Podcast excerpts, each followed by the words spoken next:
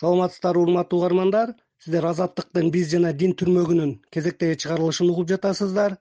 Бүгүнкү коногубуз пакистандын райван шаарындагы медресе арабия диний окуу жайынын шарият факультетинин бүтүрүүчүсү бишкектеги нурул харамайн мечитинин имамы юсуп ажы сайпиев. Берүүнү мен канатбек мырзахалилов алып барам. Биз жана дин. Юсуп ажы айтсаңыз мурас илими деген эмне мураска ислам дининин негиздери болгон шарият куран хадистер кандай карайт? Мурас деген бул араб тилинен алынган кийинки муунга калтырылган нерсе. Бир канча мааниге бөлүнөт. Тарыхый мурастар мисалга ташрабад сулайман тоо өзгөн мунарасы ошол кайсы бир доордо тарыхта ушундай адамдар өткөн деп бизге мурас калган. Маданий мурастар мына биздин тил макал лакап ырлар күүлөр э, ата бабадан калып келе жаткан боз үй мына ушундай маданиятка тиешелүү мурастар бар. Ошондой эле мал мүлктүн мурасы киши каза болгондо анын артында калган мураскерлер ошол э, мурасынан өзүнүн үлүшүн алуу ушул терминди шариятта мурас илими деп айтат. Мурас илимин түшүрүүдөн максат аял затынын даражасын бийикке көтөрүү аял затынын укугун бийикке көтөрүү. Мындайча айтканда киши каза болсо анын артында калган кыздары аялы апасы эже карындаштары чоң энеси тайэнеси ошол каза болгон кишинин малы мүлкүдөн кадимкидей өзүнүн үлүшүнө жараша алууга татыктуу жана укуктуу. Ошондой эле киши э, үйлөнгөндө аялына калың берүү ошол аялдын акысын берүү же болбосо аялдар өзү иштеп тапкан акча өзү мээнети менен чеке тери менен тапкан акчасы өзүнө буйруп өзүнүн мүлкү боло турган деңгээлде ислам шарияты келди. Аял затынын укугуну сактоо үчүн мурас илимини түшүрдү. Бул жөнүндө ниса сүрөсү бул аялдар деген сүрөдө он биринчи аятта аллах таала мынтип айтат. Аллах таала силерге осуят кылат балдарыңар жөнүндө эркек балага берилген үлүштүн жарымы. Аял балага тийсин кыз балага тийсин. Мындайча айтканда кыздар элүү пайыз алса балдар жүз пайыз алат. Бунун дагы өзүнүн бир э, даанышмандык хикматтары бар. Кенен кайрылабыз. Дагы бир хадисте келет. Пайгамбар саллаллаху алейхи вассалам айтты мурас илимин үйрөнгүлө себеби бул жарым илим дейт. Илимдин жарымы мурас илим. Себеби бул жерде адамдын укугу сакталып атат. Артта калган мураскерлердин укугу. Исламда шариятта бир тирүү мусулмандын малы мүлкү башка адамдарга арам. Аны туура эмес жол менен алдап алуу урдап алуу тартып алуу анын артынан кол салып тартып алуу кыскасы кандай жол менен болсо дагы ошол адамдын ыраазычылыгы жок уруксаты жок анын малы мүлкүнү тартып алуу арам. Мураскорлор өзү ич ара туура эмес бөлүп албастыгы үчүн шарияттын мурас илими келип балдарына мынча кыздарына мынча айылына мынча атасына мынча деп туура жол менен бөлүп берүү мына ушул шарияттын талабы. Мына ошондуктан шариятта ушул мурас илими белгиленген. Бул курандан жана хадистен келтирилген толук түрдөгү аллах тааланын буйругу. Учурда кыргызстанда мурас бөлүштүрүү жаатында кандай иш аракеттер көрүлүп жатат?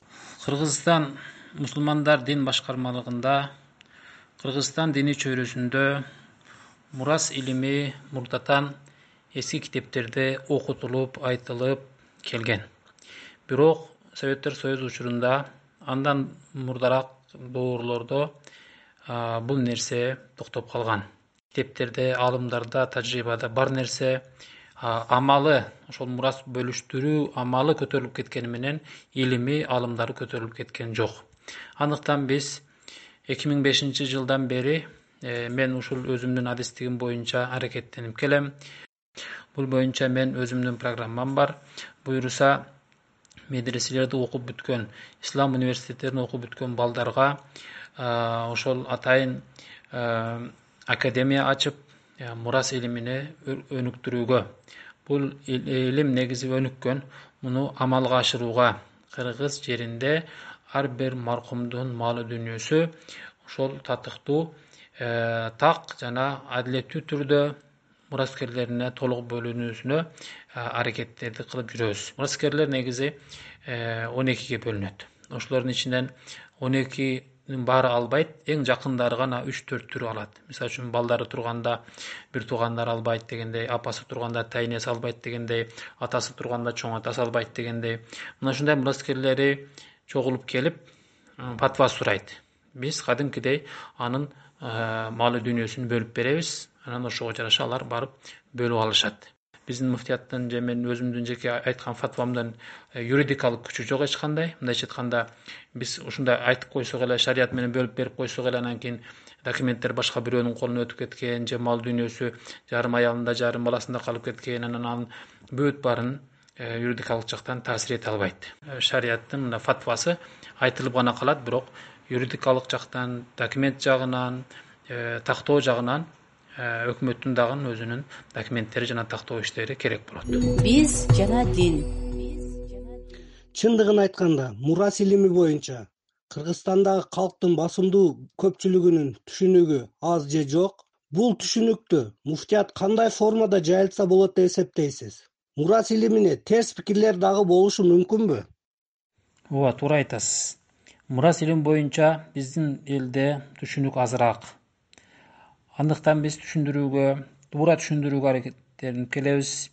Муфтият дагы баардык медреселерде мечиттерде кала берсе мына жума кутбасында дагы жылына бир жолу биз мурас илими боюнча айтабыз. Ошондой эле медреселерде э, жаназаларда бул жөнүндө айта бериш керек. Кээ бир түшүнбөгөн адамдар бар.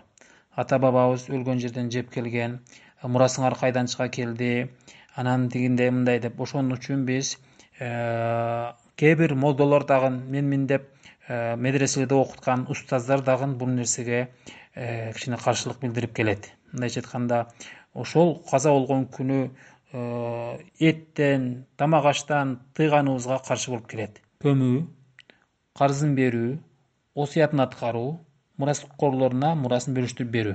Мына ушул төрт нерсе аткарылгандан кийин ар бир мураскордун колуна мисалга он миң сомдон же он миң доллардан колуна тийди. Өлгөндөн үч күндөн кийин төртүнчү күн келди деп коелу. Мураскорлор ар кимиси өзүнүн үлүшүнү мындай акчалай түрдө бөлүп албаса дагы билди. А менде атамдан калган ушунча мурасым бар экен деп. Анан мураскор балдары кыздары аялы биригишип ортодон ар бири мисалга э, жүз миң сомдон чыгарды. Дагы элге аш өткөрдү той өткөрдү ыхсан кылды куран окутту мына ушул жолу туура адал сооптуу болот. Кандай учурда арам болуп калат же макрух болуп калат маркумдун аркасынан артынан тамак жеген. Биринчи күнү өлгөн күнү эле. Мурасын тактабай туруп карызын тактабай туруп осуяттарын аткарбай туруп мурасын бөлүштүрбөй туруп дароо эле казан табак менен элек болуп чоң буканы же чоң жылкыны союп жеп койгон мына ушул болбойт шариятта. Боло турган жолун дагы биз айтабыз. Жанагындай жолу менен төртүнчү күнү мураскорлор мурасын бөлүп алгандан кийин бөлүп албаса дагы билгенден кийин куран окутуп мал союп берсе болот деп айтып келебиз. Мына ушуга каршылыктар жок эмес бар. Элдин арасында ар кандай түшүнүктөр бар? Жакында эле кыргызстан мусулмандарынын аалымдар кеңеши той аштардагы маркумду жерге берүүдө ыксыз чыгымдарды азайтуу боюнча өзүнүн кайрылуусун таратты. Бул маселе боюнча тийиштүү мамлекеттик органдар дагы иштеп жатышат келечекте каза болгон адамды акыркы сапарга узатуу боюнча бирдиктүү программа иштелип чыкса мурас илиминин адиси катары сиз эмнелерди сунуш кылмаксыз? Аалымдар кеңешинин той аштарда маркумду узатуу аземинде ысырапкорчулуктан жоюуга даярдап жаткан программасы жана жоболору аракеттери менен мен таанышмын. Буюрса мен дагы эми ошол мурас илиминин өзүнүн көз карашы менен мурас илиминин э, ыкмалары менен өзүмдүн сунуштарымды берем. Ал деген ошол эле э, кантип көмүү керек кантип сууга берүү керек? Мен өзүмдүн өзүмдүн видеороликтерим дагы бар ошолорду дагы аларга э, мындайча айтканда сунуштап эң негизгиси ушул маркумду узатуудагы ысырапкорчулуктан мурас илимине толук амал кылмайынча тыюлуу мүмкүн эмес. Муну тыюучу бир гана жол ушул мурас илимине амал кылуу керек. Андыктан биз баардык имамдарга мурас илимини дагы окутушубуз керек. Бир айлык курс болобу эки айлык курс болобу кышында окутуп алардын ар бирине ушул нерсени түшүндүрүшүбүз керек. Кыргызда баягы чыккан кыз чийден сырткары деп коет го. Шариятта мураста андай эмес. Чыккан кыз дагы мурас алат. Ал күйөөгө бердиң ал эми кетти эмес. Ал күйөөгө тийип барып неберелүү чебирелүү кемпир болуп калса дагы бул жактагы атасы эми каза болсо ошол дагы ушул атасынын мурасынан алганга укуктуу шарият ушундай. Бирок шариятта мурас киши каза болмоюнча бөлүштүрүлбөйт. Тирүү киши балдарына бергенин баары бөлүп бергенинин баары документациясын өткөрүп бергенин баары булар белек болуп эсептелет. Анан бөлүп бергенден кийин дагы бир канча жыл жашайт ал киши. Бир ай жашайт бир саат жашайт. Каза болгондон кийин анан ошол ошол кишинин мүлкүндө канча нерсе калган болсо мына ушул мурас ушуну айырмалап билип алыш керек. Биз жана дин. Урматтуу угармандар сиздер азаттыктын биз жана дин түрмөгүнүн кезектеги чыгарылышын уктуңуздар. Биздин суроолорго мурас илими боюнча адис юсуп ажы сайпиев жооп берди. Берүүнү мен канатбек мырзахалилов алып бардым. Саламатта калыңыздар